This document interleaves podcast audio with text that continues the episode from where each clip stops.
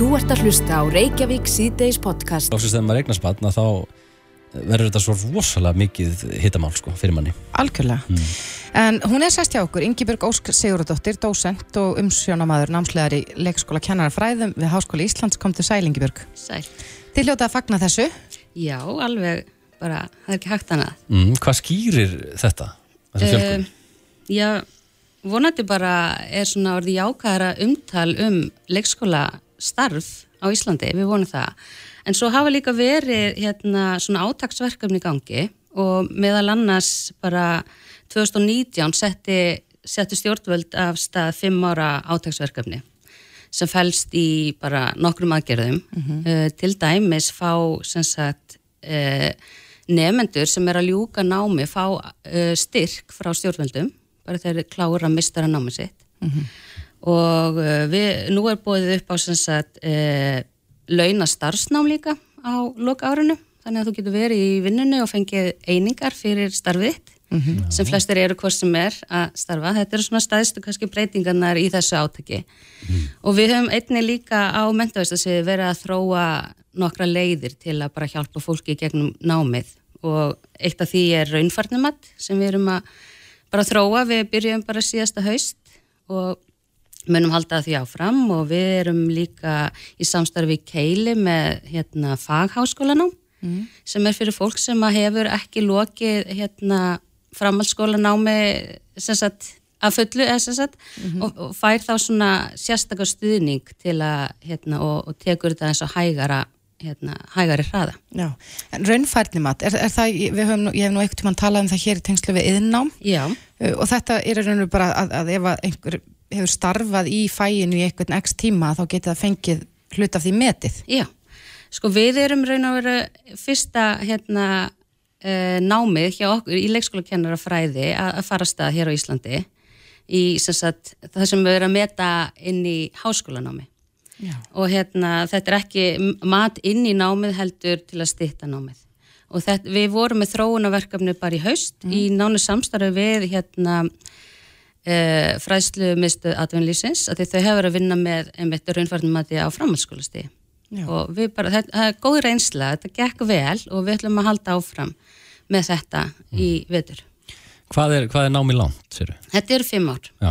Þú líkur hérna mistaraprófi. En reyndar fólk sem er með aðra grunnmentun en sem sagt leikskóla kennara fræði, segjum svo svo að ég sé með bakla prófi félagsvísindum eða sálfræði eða eitthvað svoleið, svo starfa, margir starfa í leikskóla með þannig hana, náma bakinu. Og þá getur komið og sótt um sem sagt og farið í mentunafræði leikskóla sem eru þá bara mistaraprófs árin, þessi tvö ár. Það eru rosa stór hópur sem kemur inn í það. Og það er líka nýtt bara síðustu svona fimm árin. Já, eins og Benni saði náðan þá maður, áttar maður segila bara á því þegar maður eignast sjálfur börn hversu mikilvægt þetta er. En umræðan hefur samt verið svolítið lituð af neikvæðni. Það er oft talað um já, þetta álag sem að fylgir þessu starfi. Ég dáist að öllum þeim sem að, að, sinna þessu starfi. Um, og svo hefur verið talað um að launin séu ekki nægilega góð og, og kannski þá lítill kvati svona ef maður er, horfir á umræðina fyrir fólk að skrá sig í þetta nám um, er svo umræð eitthvað að breytast að, að þínum að Uh, kannski ekki nóg, en hérna, jú, ég meina það er verið að vinna mikið fyrir leikskólakennara. Það er, ráðuneyti vill gera vel og sveitafjölum vilja gera vel fyrir kennara á öllum sk- stigum. En einmitt, það hefur talað mikið um launin og álag. Uh, ég, svo sem þekk ekki, ég er sjálf svolítið langt sem ég starfa í leikskóla, hann ég er ekki alveg með launin á hreinu, en ég heldur sé ekki það slæm eins og margir halda. og auðvitað betri fyrir þá sem að hafa lokið leikskóla kennari fræðinu Já, algjörlega. Akkur, þannig að það er ákveðin kvati fyrir Já, en auðvitað er mikið álag og eitt af álag, aðal, að álags uh, þátturinn er mannekla. Að það, börnin fari ekki þó að vanti starfsfólk og við getum ekki gert verkefnin okkur á morgun að því að börnin eru hér í dag.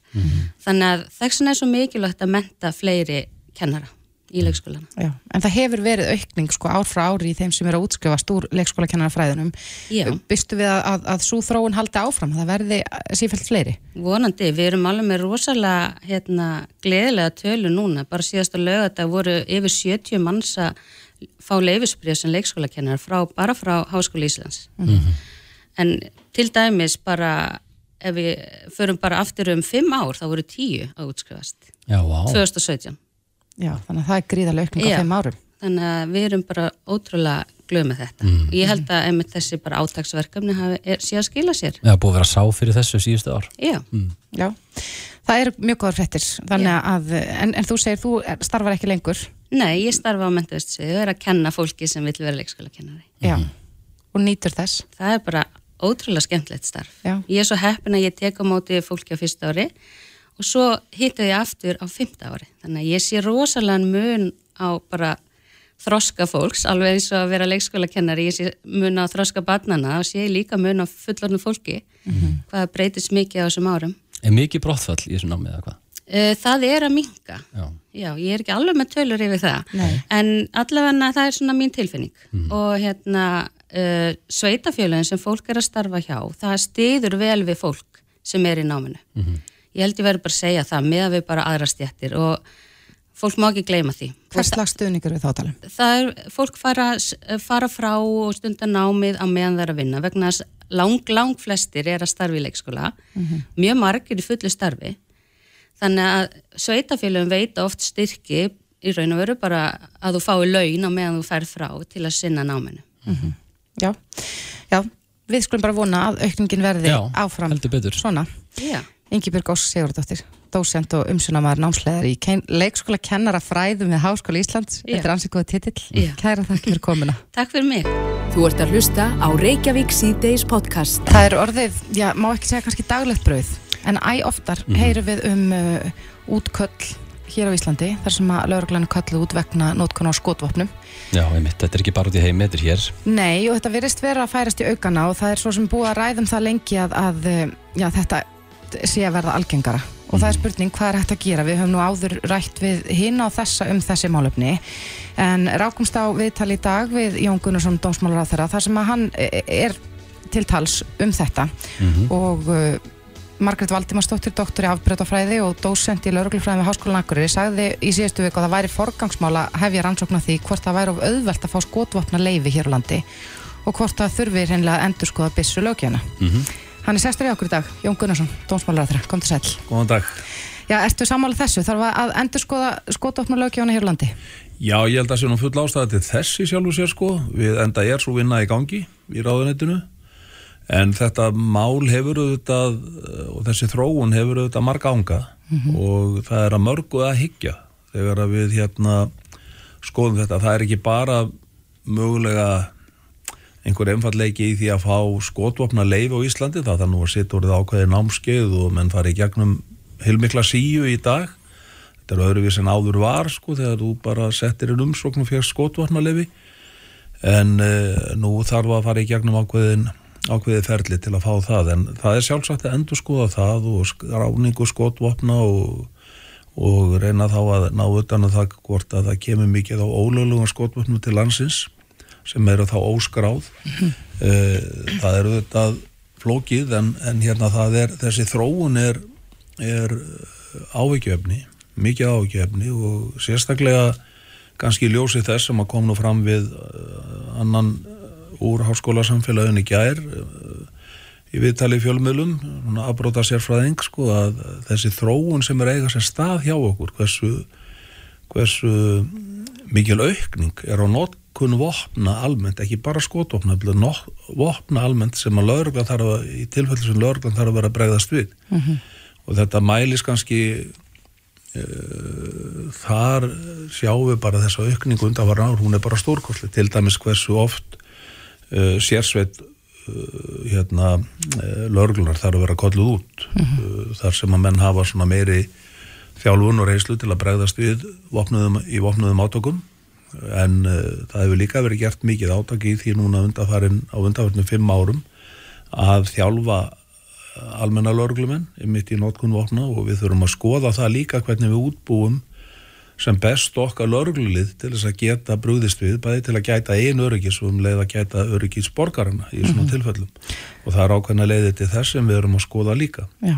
til að mynda hvort að það sé eðlert að taka upp uh, svo kallar rafstuðbissur hér á landi. Það er eitthvað sem er í skoðun hjá okkur líka.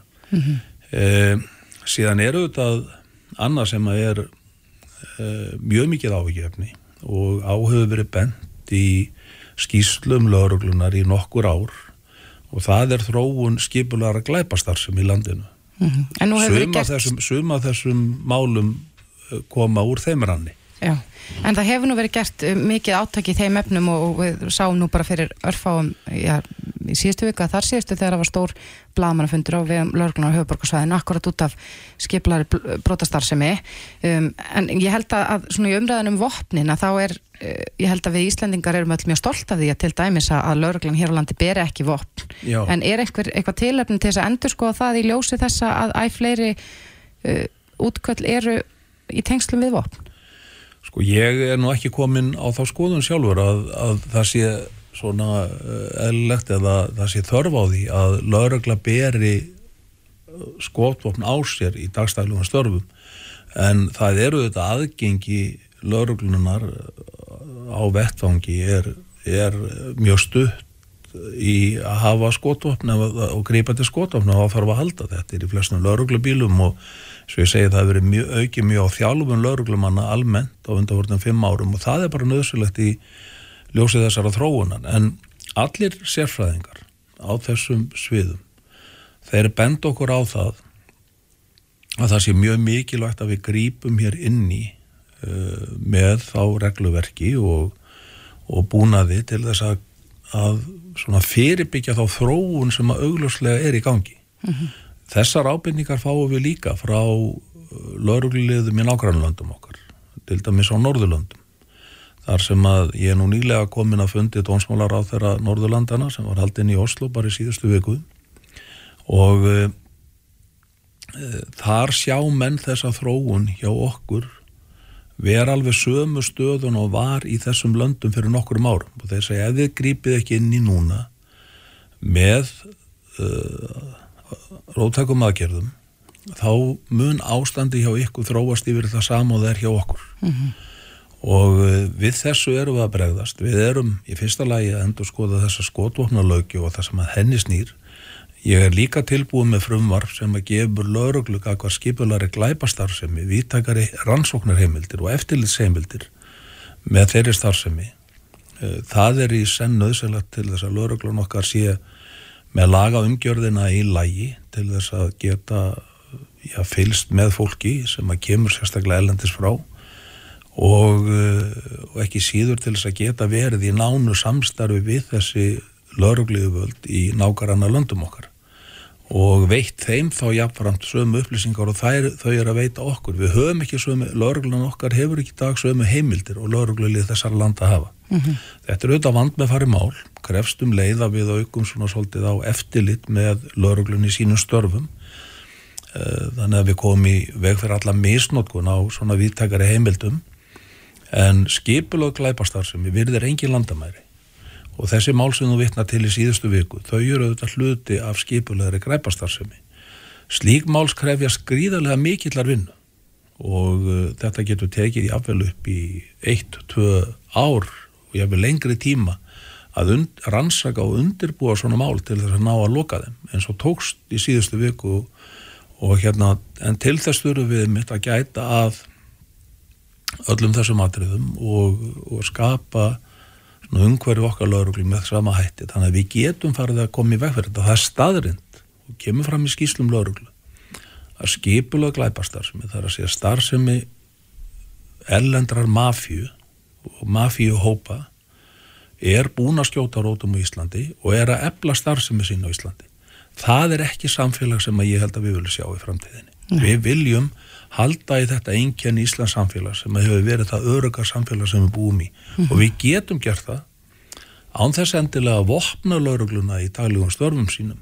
En með því að styrkjana fjölga lauruglumönnum í svona rannsóknarverkefnum það erum við líka að vinna. Við erum að fara að taka inn núna meiri fjölda nefnda í lauruglunámið næsta höst við erum líka ég hef verið líka að fá auki fjármagn frá fjárveitingavaldinu til þess að ebla starfsum á þessum vettvangi og þá ekki bara gagvart alþjóðleiri gleipastarfsum líka gagvart opbeldis brotum og kynferðisafbrotum og slíku, þar eru við að bæta núna við í mitt uh, ráningu lauruglumanna og, sak, og á saksóknarasviði.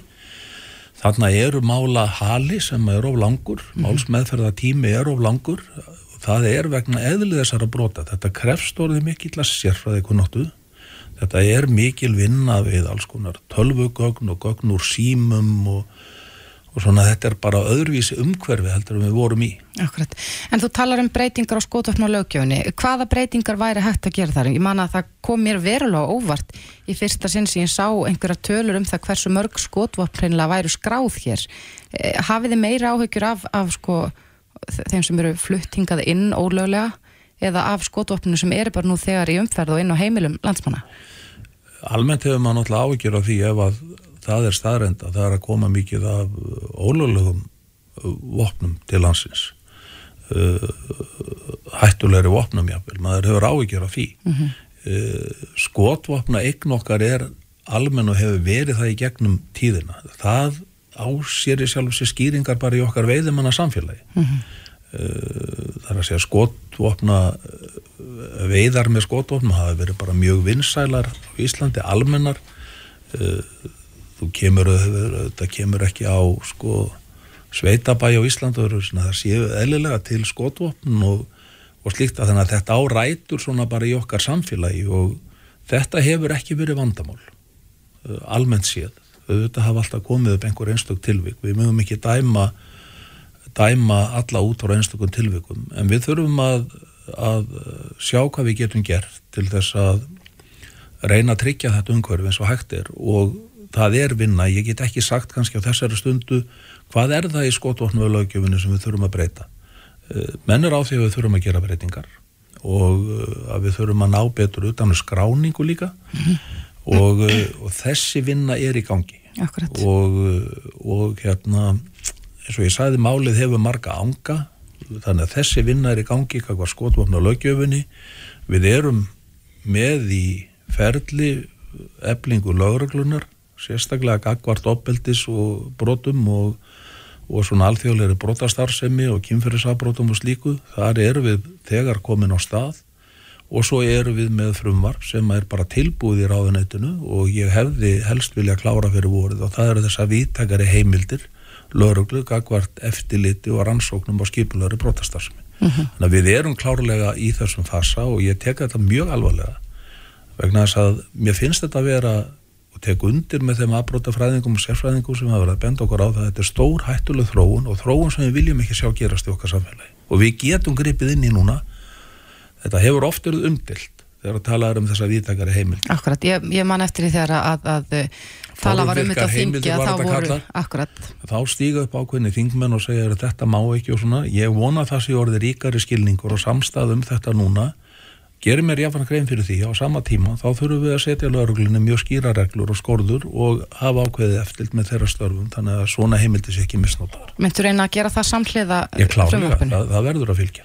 Mm -hmm. Já, Já það er nú eitt sem við fengum við fengum senda spurningu hérna á hlustandundagin og ég má til með að bera það undir þig að uh, við fengum sérst þetta tengdist skráningu á skotvopnum og að og, og leifisveitingum ef að, ef að ég er með bissuleifi og, og fæ skráða á mig skotvopn en, en bissuleifi mitt rennur út eftir tíu ár, hvað verður það um vopnið?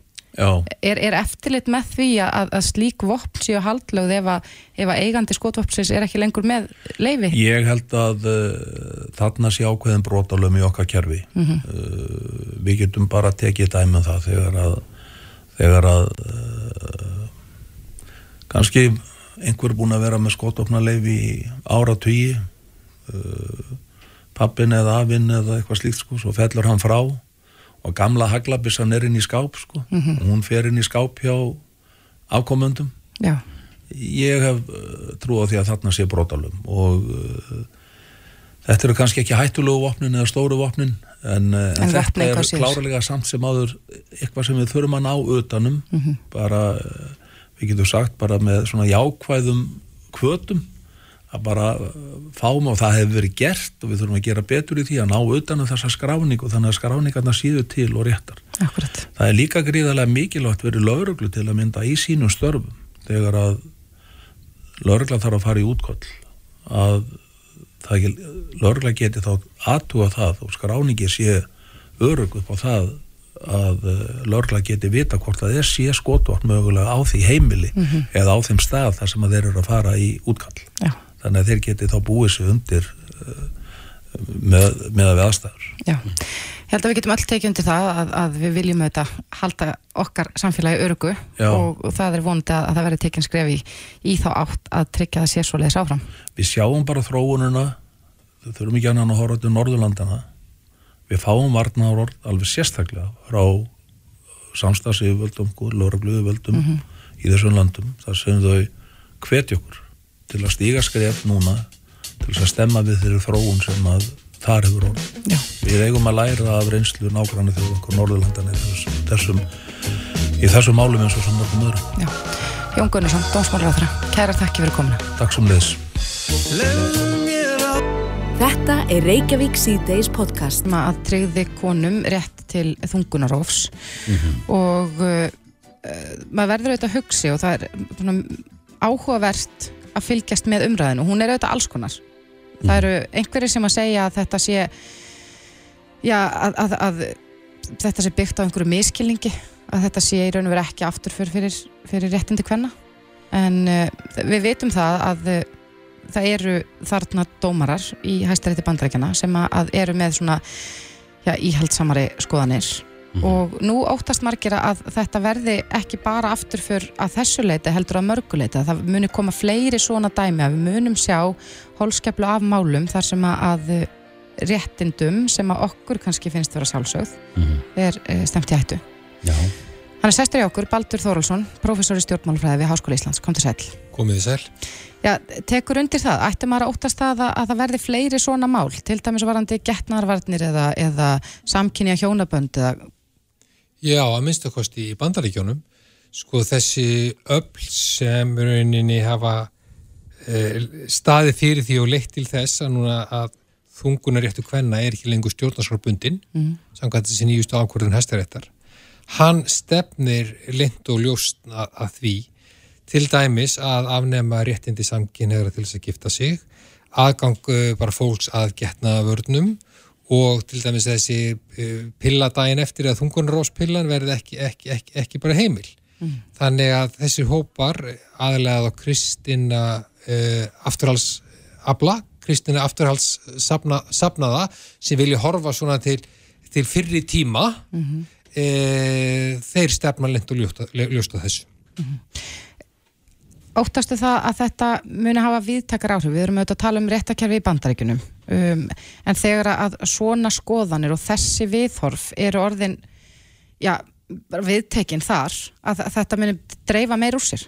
Já, það hefur sínt sig að þú þróun sem ásýstæði bandaríkjónum, hvort sem hún er í átt til sko frjálslindis eða meiri íhalsemi, hún árunni mjög greiðan aðgang að öllum miðlum bara rauninu um allan heim því bandaríkin eru svo mikið stærð og bandaríski fjölmjöla eru svo stór stærð bara í heimsmálunum að það litar umræðin í öðrum samfélögum og hefur áhrif á hana. Við hefum bara séð það í tengslu við til dæmis Kjör Trumps uh, á sínum tíma 2016 sko en, auðvitað er alltaf bara Kjör Trumps afleiðing af stefnubreitingu sem er að eigast í staði bandar, í bandaríkjónum eh, en, en það sé hann ítir undir eh, sko sjóna með þeirra sem aðhyllast eh, sömu skoðanir og, og Trump og þeim jóks verulega ásmegin í Evrópu til dæmis. En við langar aðeins að fara kannski meira í, hérna, í líka stjórnkerfi, hvernig þetta virkar allt saman. Eh, Þú ert meira hann hæstarétt, hann ákveður þetta, en ríkið, far, fá ríkin svo eitthvað ákveða sjálf, hvað þau gera? Ég sko, uh, það sem er núna að dómurinn lítur að því í rauninni að, að það er ekki verið að leggja, það er aðeins má miskilningur umræðinni að það sé verið að leggja alfari bann við þungun, við þungun og rofi hvernig bandaríkjunum, það er ekki. Mm. Fylgjónum er gefið sjálfdæmið það að ákveð, ákveða mm. hvernig er farið með þungunarofsrétt hvenna, eigum að orða, orða þannig. þannig. Það er eins og afnemið, afnuminn, sá stjórnaskrar bundin réttindi, réttindi hvenna að ráða yfir sínum eigin líkama og þar geti farið í fóstureyðingu eða í þungunar rof sem oftar er tala um í dag. Þannig að nú er það hjá fylgjónum sjálfum að setja reglur um þetta. Það eru frjálslind fylgi eins og í Kaliforníu, New York sem hafa mjög frjálslinda lögjöf um þungunar rofsrétt ennþá og munu halda því því þetta eru svona trygg demokrata fylgi, frjálslind fylgi. En þegar er, er verið og búið að stíga skref í helmingu fylka bandaríkjana eh, svona 26 fylgjum að 50 það sem er verið að verulega draga úr réttindi kvenna til þess að fara í, í þungunarof eða jafnvel banna það alfarið.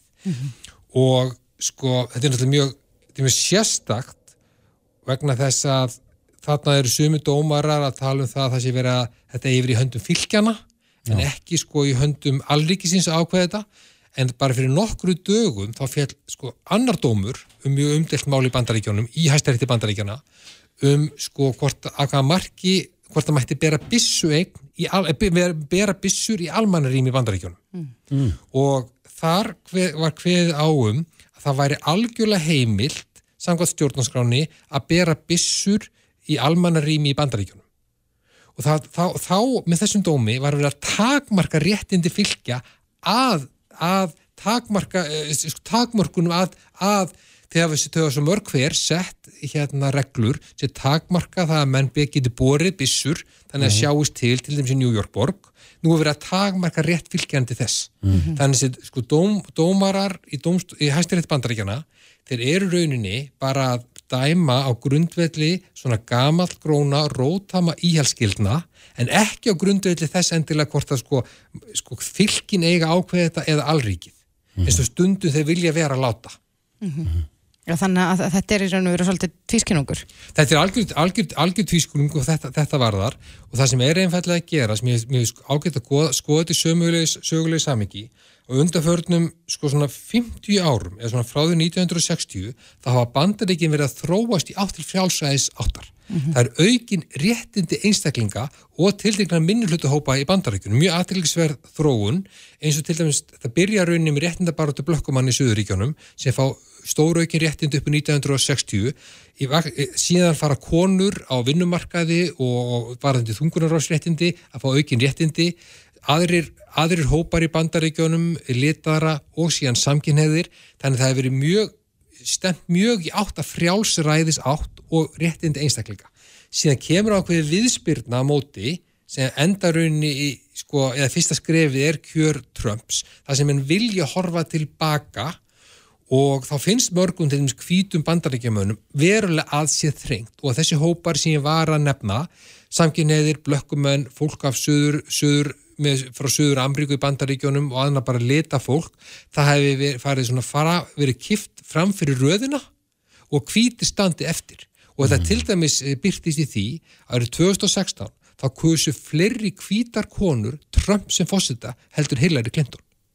Fleiri hvítar konur kusu Trump 2016 heldur Hillary og þá eru þær bara rauninni að vilja fara að horfa aftur til tíman, tímans til þess að gömlu góðu gilda og finnst ekki sangjan hvernig hinnir þessi hópar hafa rauninni eins og þau, eins og þau upplefa eða þær upplefa verið tekið fram fyrir sig Já. Þetta er það sem er að breytast og við einfallega vitum ekki hvernig þróunu verður á næstu 50, 50 árum því að það er ákveðin viðsnúningur eiga sér stað í bandaríkjónum bæði hvað varðar þessar byssuegn sem og varðandi réttindi hvenna. En þetta lítur að vera teljast mikil afturför fyrir eh, frjálslindið. Mjög mikil afturför fyrir frjálslindið og réttindi hvenna því það er líka eins og við komum að því upphafi það er verið að stefna því að takmarka enn frekar réttindi fólks til getnaðavarna eða upplýsinga um, um getnaðavarnir og réttindi bara samkynnaði einfallega til að gifta sig. Og meiri sér að koma fram hjá Clarence Thomas í réttindi rétt, í réttinum í sér áleiti hans að hann vil sko rauninni bara banna e, sko bara e, sko kynlíf samkynnaðra hann vil bara einfallega að það verði bara sett í lög eins og var í sumu, sumu fylgjum að það verði bara, það leggir við lögum ef að samkynni einstaklingar stundi kynlíf. Menn vilja ganga svo langt í að takmarka frelsi einstaklingsins og þetta er þetta nokkuð sko aðteklisvert í landi frelsinsins. En það er náttúrulega ákveðin menningastriði í gangi í bandaríkjónum um, um, um, um, þessi, um þessi atriði. Akkurat. En, en erum við að sjá fram á einhverja breytingar á hæstarétti bandarækjana á næstunum? Nú er, utan, já, við erum að sjá kannski svona afleðingar af, af skipunum Trumps í, í réttin. Með við búast við einhverju mannabreitingum eða, eða er þetta bara það sem koma skal næstu áruna meðan að þessi dómar að sitja? Nei, menn ég hef nú ekki séð, séð það að menn er að tala um einhverju að þeir muni hætta það er ekki um einhver falli frá eða þeir hætti sjálfugljur við sjáum það ekki alveg fyrir Demokrataflokkurinn er klófin þegar kemur hvernig það bregðast við þessu. Mm -hmm. Róttakari Arnur Flokksins hefur krafist núna síðustu sólarhengum að bæten skipi fleiri dómar í hæstarétt. Það eru mm -hmm. heimildið til þess með samþykki þingsins en það væri þá mundan brjóta algjörlega þann sáttmála sem er á milli republikan og demokrata mm -hmm. að, að, að fjölga, þing, fjölga dómur um hæstarétti úr nýju í ykkur fleiri. Það sem munum gera ef að bæten mundi til að setja þrjá dómari bara í viðbót inn réttin til þess að frjálslindur öfli næðu yfirhöndinni ef það væri kvöðsinn fósiti á vegum republikana þá myndi það bara bæta sínum þremum mönnum við mm. og það væri komin algjör endavittlisa og langa vittlisa sem myndi enda í þessu menn vilja ekki fara þá leið ég sé líka róttakar með demokrataflokksins vilja að allríkið setja upp helsíkjæslu stöðar á landaregn í fylgjónum þar sem hefur verið að takmaka rétt hvenna til þungurarofs helsíkjæslu stöðar sem konur gætu farið í þungunarof. Mm -hmm. En þetta vil hófsamlega armurinn ekki, vil einfallega verið vinna málið í kostningum. Eru að sjá einhverjum svona íhaldsbylgi í Evrópu í kjálfarið eða hvað? Við höfum verið að sjá íhaldsbylgu í Evrópu sem byrktist helst í auknu fylgi svona eh, öfgasina hægri manna eins og við talaði um í mhm. stjórnmála, stjórnmálafræðinni eins og uh, Le Pen í, í, Frak, í Fraklandi sem hefur uh, aldrei verið sterkari mm -hmm. uh, hægri svona öfgamann í Fraklandi hafa aldrei verið sterkari heldur einmitt uh, núna og ekki heldur í Þískalandi á Þískaþingjunu þó í augnarbleikinu séður ekki að skoða hátt í skoðanakonunum en það hefur verið veruleg bilgja í stuðningi við þessi sjónamið jafnveg sem er að koma fram í bandaríkjónum og svona hægri afgamanna en þau hefum einhver beist gegn innflýtjandum svona mhm. frá því 2016 Já, já. En nú sáum við uh, hérna um helgina fréttir af þessari hræðilegu skotarós í Oslo og, og mér finnst eins og við sem æg oftar að fá fréttir þar sem að já, árásum er beint gegn uh, hinsegin, já, gegn minni hlutahópum. Uh, er hægt að tólka þetta sem einhvers konar íhaldsbylgu eða er þetta bara algjörlega ótengt? Nei, þetta, þetta, þetta er alveg rétt, já. Ég held að það sé klárlega hægt að tengja þetta við íhaldsbylgjur og, og, og skýslurauninni Europol, sko, lauruglunar í Európu sína fram á það að sko aukin hatus orðræða til dæmis 2016 það, sko í kostningabaratu Trumps og í tengsluðu Brexit í Breitlandi það sem sumi Brexitinnar sögluðu mjög óbískat gegn innflytjandum, hvað þeir verið hættilega bresku samfélagi, þetta leti til aukins ofbeldis ekki bara gegn innflytjandum og letuðu fólki, heldur líka til gegn samkynnaðum mm -hmm. og, og, og transfólki þannig að orðræða sem boðar ofbeldi, þessi harkalega orðræða, hún, hún leiði til ofbeldis og götumúti. Ekki endilega af stjórnmálamönnunum sem boða ofbeldið, heldur það eru eitthvað bara einstaklingar eða hópar í samfélagunum sem byrja að berja menn og annan mm -hmm. e, og þykist verið að fylgjast þessum, þessum málstað. Þannig að þessi hatusorðræða er unni stór hættuleg hvað þetta varðar.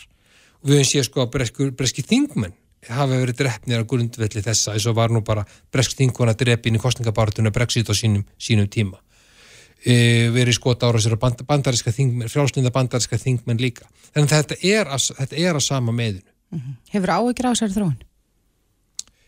Já, ég held að sé raunin ekki hana en sko hægt að hafa áhyggjur á þessari þróun og mann megi ekki sofa á verðunum og líta á sér réttindi sem sjálfgefin, þau eru það ekki, þau, það er verið að fara tilbaka með þau. Þannig að e, e, þeir sem vilja aukin réttið einstaklingsins og auki frjálslendi, þeir, þeir þurfa að spyrna við fótum. Og e, bara í sín nefnsin dæmi núna síðast sko, transfólk hefur mjög verið að reyna að, að bæta réttastöðu sína í samfélaginu mm. sem hefur nú ekki verið upp á marga, marga fiska.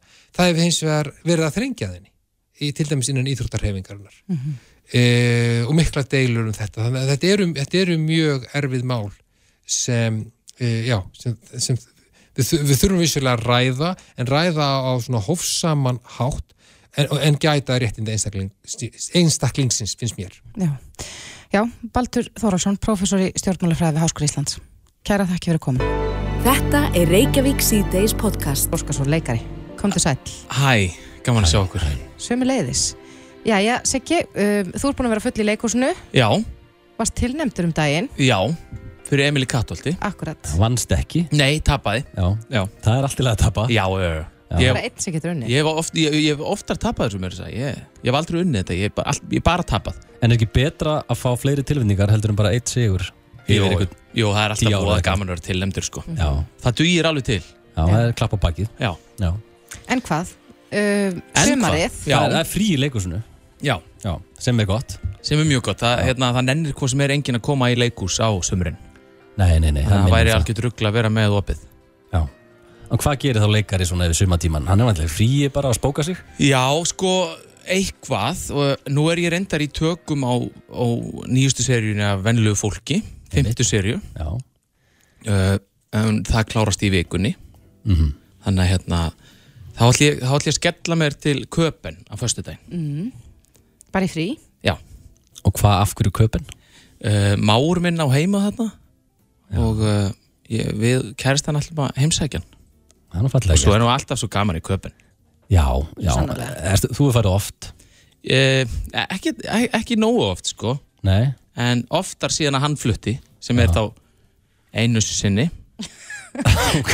Einu sinni, Já. oftar en... Já, ég fóð semst einu sinni þegar ég var 13 ára og svo bara núna bara í fyrra eða eitthvað. Og það vantilega hefur farið tvísvart. Já, já, já, þannig að það er ekki mjög oft. Nei, Nei, nei, er bara, það er, já, maður telur það bara tveimur fingurum En líka ólíku upplifum vantilega 13 ára og, og 32 ára 30 ára, Já, já. Ekki rétt? jú, eða, þú veist, En hvað ætlar 34 að vera lengi? Já, ég er það. Við ætlum að vera í uh, 6 daga. Já, mm -hmm. þetta er ásvonlegt viður í köpinn, aðeins betra en hér. Já, emmitt uh, Svo er pappi að verða 70 svo við fjölskyldan allum til Spánar Mhm. í lok júli svo það er svona svolítið flakk sko Hvað er að spáni? Dörrið ég það Nú, já, já Mér finnst það, svona, núna erum við ekki búin að vera með þetta sumarplanet sérlega lengi en Nei. mér finnst það vera svona sammert að það eru flestir eitthvað á leiðinni út þetta hefði ekki verið eins hérna fyrir tveimur ára síðan þegar enginn fór neitt Nei, það er allir svolítið estir í að fara út Já. núna. en þú hefur svona í gegnum tíðinu alveg verið duglega við það að ferðast innanlands Já, mjög Ég hef margóft kert ringin í kringu landið við, við uh, kærasta mín, hún Sonja við kerðum nú ringin í kringu landið á okkur öðru stefnumóti, Já, getur nú sagt ykkur Ha? Hvorki meirinn að minna hvernig ægslast það? Eh, við vorum einmitt að elda veðrið Mhm. uh, og það kom það upp þessi hugmynd að fara á lunga á seyðisverði og við skelltum okkur bara þangað öðru stefnumóti. Og Já, svo þá kerðum er við maður eiginlega bara jafn lengi að keira Já, hann er við ákveðum að fara sem sagt, bara norðurleðina fyrst og svo söðurleðina Mhm. tilbaka. Og þið eru saman í dag? Já, hugsaður, fara til köpen og allt. Vá. Já, en uh, ok, þú ætlar til Kaupanafnar, Mhm. svo ætlar að fara til Spánar. Er eitthvað fleira á döfinni? um, Tjalda, einhverstaðar? Já, ég, uh, mér langar að gera það sko. Já. Við ætlum að gera það eitthvað í júli Og ertu með eitthvað svona drauma stað? mm, Eða elda veðri bara? Já, alltaf verið Já. Er það ekki Gerum klass- við það ekki flest? Jú, það, það er yfirleitt uh, ma- Þá fær maður austur Já, mjög oft Já. mm mig Svo náttúrulega er leðilegt að fara söður núna út að lúsmíinu það er, er, það ekki, er það ekki meira Jú. fyrir sunnan? Jú. Svo sagt Mm. Mér skilst það, en, en suðaustur Já. ef þú ert komin aðeins lengra austur þá held ég að maður sleppi við það Mm. Það er kannski plan Já, en ég, það eina sem ég heyri þegar ég, ég var nú eitthvað hlusta útvarpið um helgina á bylgjulestina. Já, þú varst var að hlusta á það. Ég var að hlusta á það, auðvitað. Auðvitað varstu að Eh, hlusta á það. þau voru þau, þá voru þau fyrir austan á höfni hótnafyrði Já. og það er ekki lúsmi Nei. Nei, Ég hallamstað sko, ég er ekkert lúsmi en er það ekki tímaspörsmál? Ég veit það ekki, Það kemur. Er það? Já, Ég vona ekki. Ég held það. En Þau verða að fá það. Nei. En mér langar að tala meir um köpuna Því að maður er nú farið oft ánga Oftar en tvisvar uh, Já, sumir. Já, sumir. En hvað hva er svona ge, Gerir í köpun Eða þú veist, í þetta Í þessi tvö skipti þú vastar Ferðu Sko, ég man ekki hvað ég gerði þegar ég var 13 ára. Nei. Ég man ekki, jú, fór líklega í tífólið Já, og ég gerði það líka síðast þegar ég fór. Ok. Alltaf Eh, ekki það aftur núna? Ég veit ekki, það er ekki búið að ákveða. Mér þykir mjög gaman í svona tífóljum Já, þú ert adrenalín kall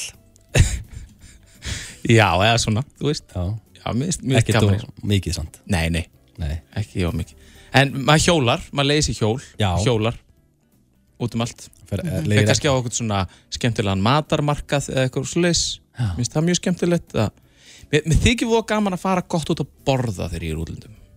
Væn og dæna eins og það heitir. Já, Já. elda eitthvað svona góðan mat. Og, og þegar þú ákveður það, ertu að gera rannsókn TripAdvisor og allt þetta. Já. Ég er mjög duglur í því. Já. Þú svolítið að sökva í það. Já, ég er svona hérna, já, ég gerir mjög mikla rannsóknarvinnu og og, og, uh, og svona uh, hefnast mjög oft sko að- að ég vel góðan stað. Ef, ef þú ættir að velja eitt stað svona, hvers matarkins staður væri það? um, uh, Mér langar rosa á okkur góðan sushi stað til dæmis.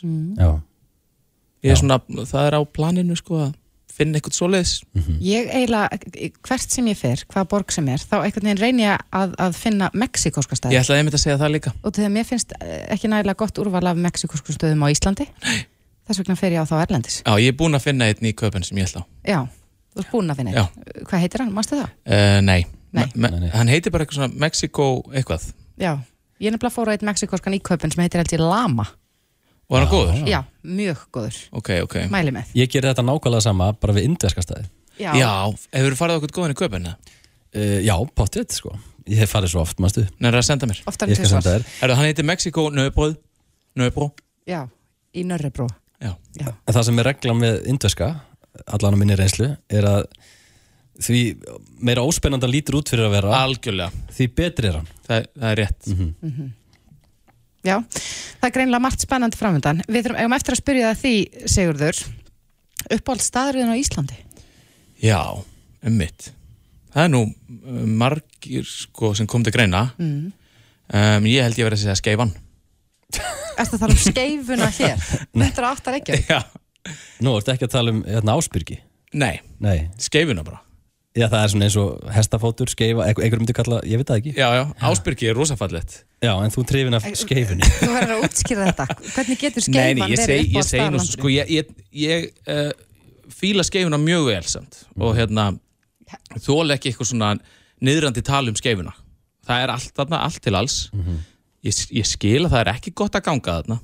Ekki gott að keira þarna heldur. ekki gott að keira þarna og ekki gott að hjóla þarna. Nei. en það er gott að vera þarna Já, ef maður er svangur og Já. allt það Já, já. Já. en nei, nei, ég myndir nú kannski sko, seðisfjörður, hann á svona svolítinn stað, sko, ég oft farið á lunga sem að er þar og náttúrulega við Sonja fórum hann á öðru stefnumóti sem var uh, en svo bara ég, mér finnst bara, sko, ef ég ætti að velja þá myndi ég bara segja sömarbústaður eitthvað staðar, Já. í góðu veðri með góðu fólki, með góðum heitapotti Já, já, já, það Allt er bara uppáhald staðurum minn á Íslandi. Já. Já. sama hvar hann er.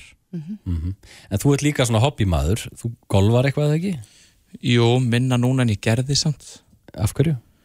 misti bara svolítið áhugan Aha, já, ok. Er það eitthvað svona lenska hjá þér að fá mikinn áhuga á einhverju og já svona leima þið séðan aftur? já, það er mikil lenska hjá mér.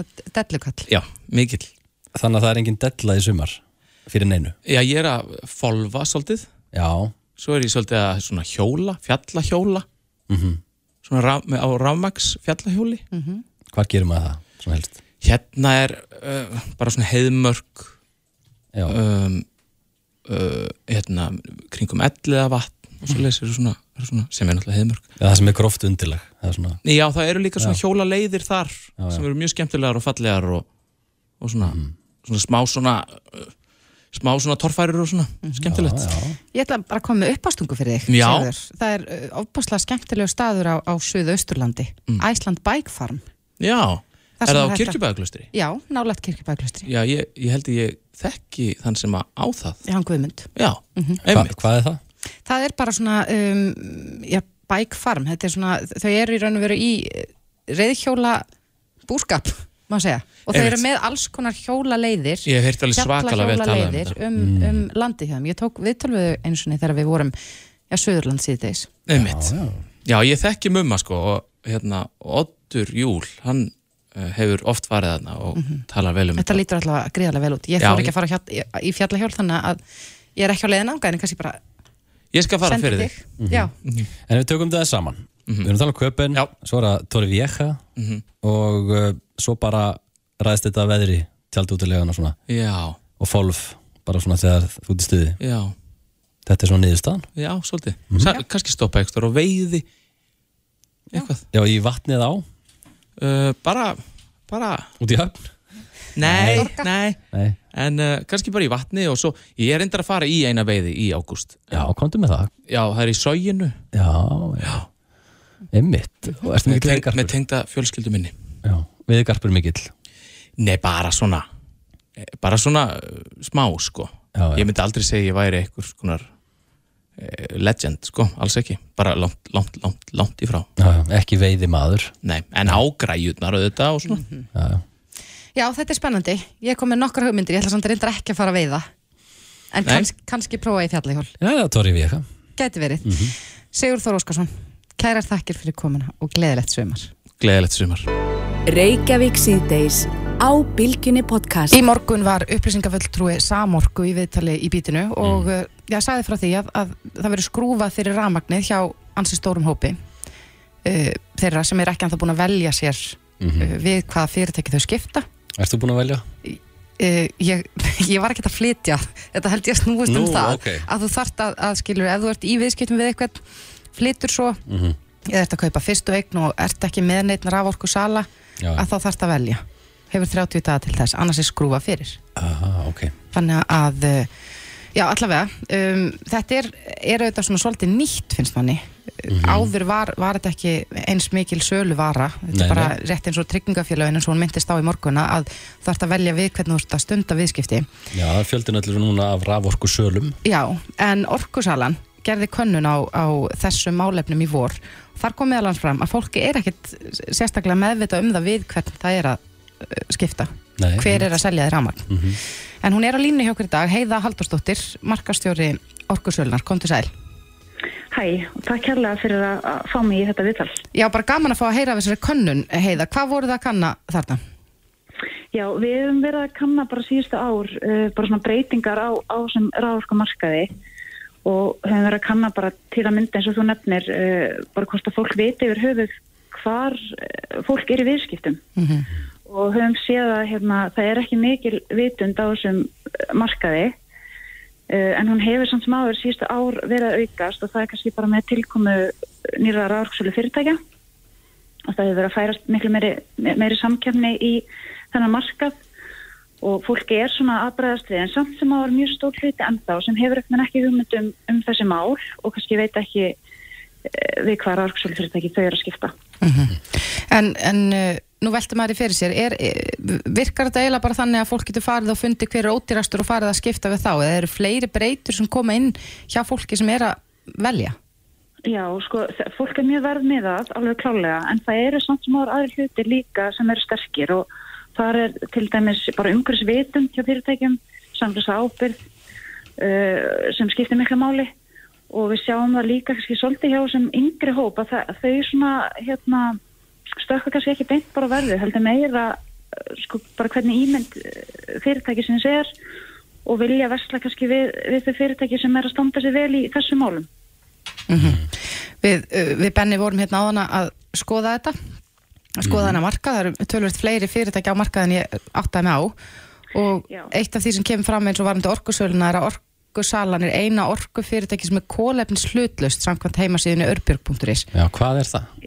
Já, einmitt. Ég hef maður, sko, við erum svo satt, auðvitað alltaf að taka svo satt, það inn í, inn í reikningin að þetta er með tilliti til bindingar af því að auðvitað bara losa öll fyrirtæki það er alltaf einhver losun sem hlýst af- rekstri fyrirtækis og við höfum bara ákveðið að hérna, ganga svona pínu kannski skriðinu lengra og við kólum sem að allan okkar rekstur og eins vinslu á ráorkunni sjálfri. Þannig við erum með hérna, nokkra virkanir sem er í auðu orkusölunar, þannig við framleiðum allt úr hérna, vassafli sem er með minnstu mögulegu losun mm og höfum bara, við erum bara svolítið stolt af því að vera hérna þetta ráorkusölu fyrirtæki sem er búið að jafna alla losun sem hlýst á okkar rekstri. Er auðvelt að, að fara í það að skipta bara um rávorkusala? Já, það er mjög auðvelt og það er hérna margir sem halda að fylgja því eitthvað kostnaður eða taka eitthvað tíma eða þú verður einmitt rámaslösa meðan en það er ekki þannig. Þú bara ferði inn á heim, heimasýður hjá fyrirtækjum og það eru flest öll, öll eh, fyrirtækin með hérna eitthvað, eitthvað skona form þar sem þú fyllir út og kemur í viðskipti. Og einmitt við í orkusölunni hefum bröðið svolítið við þessum nýju reglugerum að því að til að forðast eh, þessa lókuna þá bara kemur gegnum vefun okkar og það er eftir búin að undirrita, eh, undirrita samning með rafrænum skilríkjum, þannig að þetta er mjög, mjög svona auðvelt og þægilegt, sko. En, en er fólk, sko, það nú, nú varst að tala um eins og samfélagslega ábyrð og, og kólefnisjöfnun og fleira í þeim dúr, er fólk tilbúið að borga meira fyrir, Já, fyrir þá grænni orku?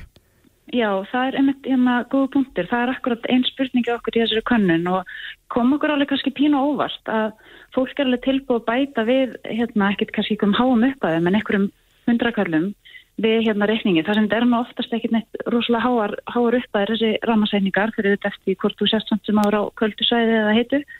En allavega fólk er alveg tilbúið til að borga meira fyrir sem sagt grænni orku, við getum sagt svo. Akkurat.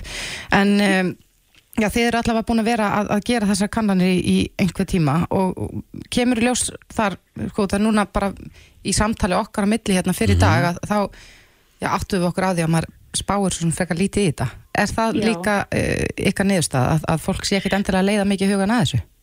Já, það er, og sko, að því við eigum núna bara þróunina, því við höfum gert þessar kannanir á, á hverju ári, þannig við eigum þróun svolítið aftur í tíman, að við sjáum alveg það er klála stökk í þessu að fólk er, það er meiri vitund núna en bara fyrir fimm árum og, og það er bara, og hún hefur alveg aukist talsverð, en fólk samt sem áður, það er ekki, þú veist, það er ekki hérna neitt svakaleg vitund þarna og fólk þarf kannski að, að vera hans upplýstara um um þessi mál, bara alveg eins og Lofisa frá Samarku kom inn á kannski í dag hjá ykkur að, að eins og með tryggingarnar eða, eða hérna, símafyrirtækjan, þú veist alveg þú veist ekki bara borga ykkur lína reikningum hjá ykkur fyrirtæki. Þetta tekur með þetta ákvörnum ert. Já, ef ef ég, ætla, ef ég ákveð bara að skipta um rávorkusala í dag, kostar það eitthvað? Nei, það fylgir engin kostnaður Nei. og í raun og veru engin röskun á neinu. Þú veist, þetta tekur vanalega eina til tvær myndur að skipta og, og þú hérna átt ekki að finna neitt fyrir þessum skiptum. Og virkar þetta þannig að, að ef að já, kannski ef að eitt fyrirtæki lækkar verð eitt mánuðin, geti það bara verið að svissa á milli alveg eins og með listir? Já, þú gæti gert það. Og bara, það var ekki smál Já, ok, það var ekki maður gæti fara að stunda þetta bara. Eða kannski ekki. Já þetta er áhugavert en, en það er allavega gott að vekja aðtikla á þessu út af því ég held að, að það sé nú svona tilfinning flestra að maður er ekkit óbáslega mikið að spá þessu hluti. Nei, algjörlega og það er kannski líka eins og með þetta með þessa lokun að, að fólk eru átt að þetta er ekki sko, það er ekki verið frá að loka bara ramagni á öllum ískiptingum, heldur er þetta þessir aðilar sem eru nýjirinn á ráðskumarkaði hafa ekki borga ramasetning áður svo þeir sem hafa kannski hérna, flutt erlendis eða eitthvað og komið tilbaka og byrja að borga aftur þeir þurfa að velja sér auksala og svo þeir sem hérna eiga kannski fleiri en eina eign á mismöndi dreifisvæðum og það er þá bara hvað dreifinir eru. Og kannski hús á vestfjörðum og svo hús í bænum og það borga yfir sikkur um rauksólunum og er svo að flytja. Að þá veit kerfið ekki alveg hvert þú er að fara því þú hefur ekki tekið með þetta ákvörðun. Og það þarfst þú að velja. Þannig að þetta er svona þetta er, þetta er afmarkaður hópur en samt sem áður bara eins og allir nýja ráðarkaupmyndur það er alveg, alveg þokkarlega stór kaka þannig að fólk þarf að fara að vera svona upplýstar um þessi mál. Já, Það er, uh, það er góð hugveikja, að vera upplýstar um þetta mál. Uh, takk hjálpa fyrir þetta, Heiða Haldurstóttir. Takk kærlega. Hlustaðu hvena sem er á Reykjavík C-Days podcast. mér líður eins og við séum frekar ofta að tala um geðhelbriði Já, en kannski er, er það bara mjög nöðsynlegt að halda þessar umræðu á lofti um, við rákumst á í dag greinin á vísi.is þar sem er verið að tala um já, líkamsrættar námskeið fyrir ungmenni sem að glíma við kvíða og þunglindi ég held að það sé löngu búið að sanna það á öllum vikstöðum að, að reyfing getur hjálpað fólki sem er í þessum aðstæðum. Já klálega og, og fyrir suma líka bara er þetta að koma sér að stað þegar þú glýmið eitthvað svona vanda. já, Að hérna fara inn, taka skrefið, byrja að æfa, getur verið mjög erfitt. Já, en, en þessi námskeið hafa verið starfrætt frá 2016, ég var bara fyrst að heyra það núna, þannig að það er spurning hvort þessi fleiri í sömustu og ég, en uh, þetta heitir sérst ekki gefast upp og hann er sestur hjá okkur, Stefán Ólafur Stefánsson, uh, einn af stopnundum og, og þjálfari hjá ekki gefast upp, kom til sæl. Já, hæ hæ, takk fyrir að taka mótið mér. Já, bara gaman að fá það hingað. Uh, segð okkur aðeins frá námskeiðum, fyrir hverja er þetta?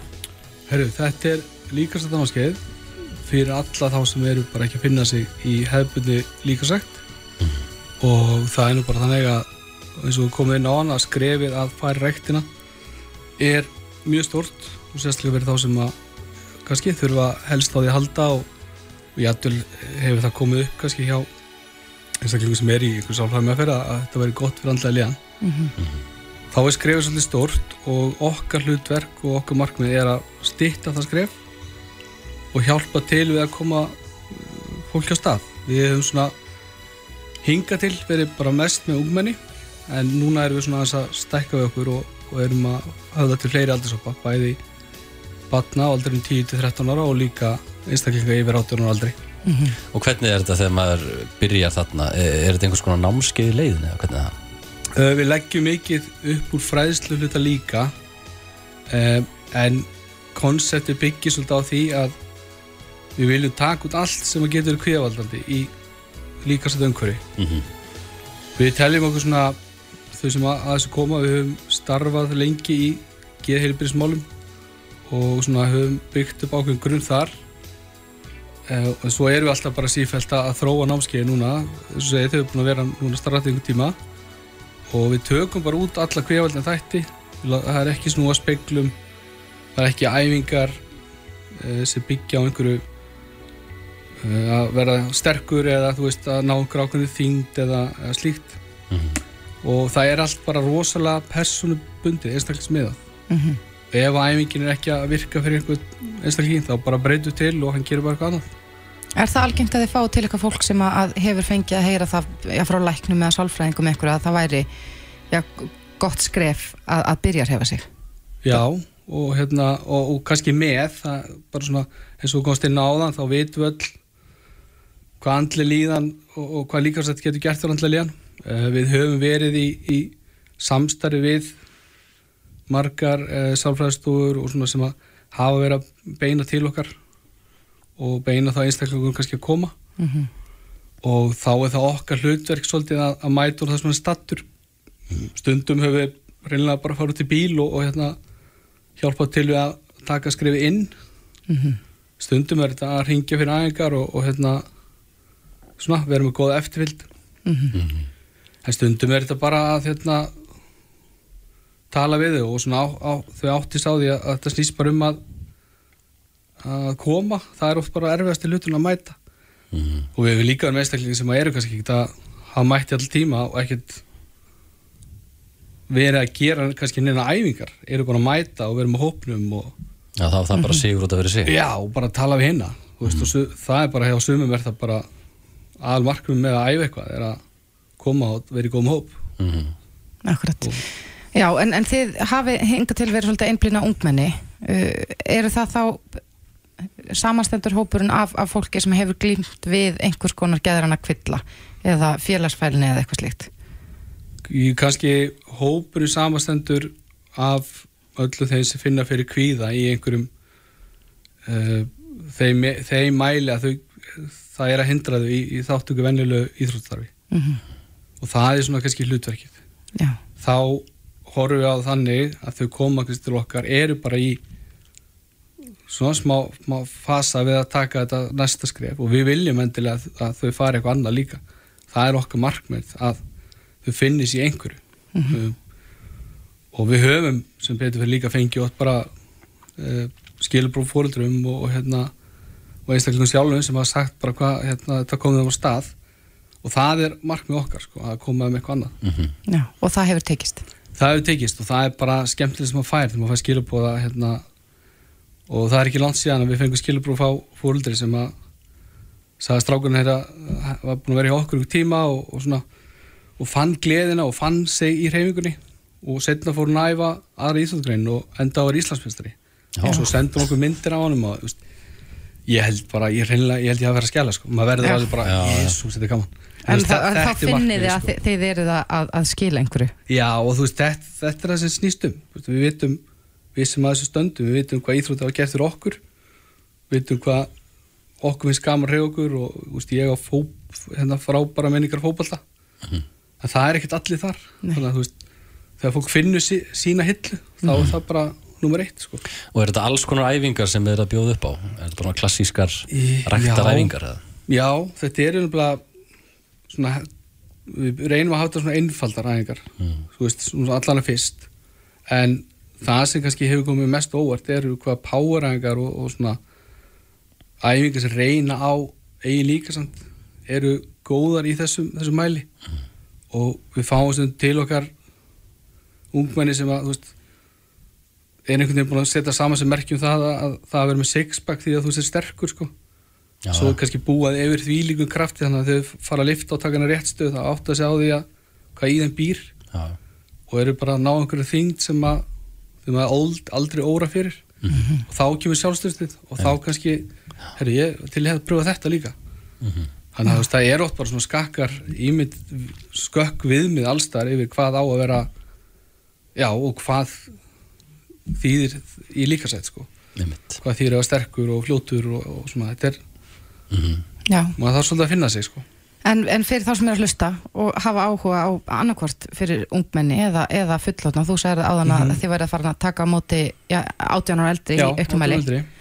Hvert hefur maður, hefur maður samband þú? Sko, Getur við maður erum skráð sig? í heilsuglæsanum og það er allar upplýsingar á ekkikjastup.is síðunni og Facebook síðunni okkar líka e, og við byrjum núna í ágúst með fjögunámskeið fyrir áttunum eldri og fyrir börn líka aldrei um 10 til 13 ára sem er svona verið kannski byggt meir upp úr leikjum. Og svo erum við með okkar svona hefbundu námski sem er, sem er frá 13, 14 til 18 aldurs. Já. og þetta er allt þó þetta er svona kannski mismönd áherslur þá er sama konseptið í þessu, í þessu öllu að þetta á bara að vera gaman Akkurat. Já, þetta er spennandi. Stefán Ólafur Stefánsson, eh, annar stopnandi ekki gefast upp. Kæra þakki fyrir komuna. Takk hjá mig Reykjavík síðdeis á Bilginni podcast.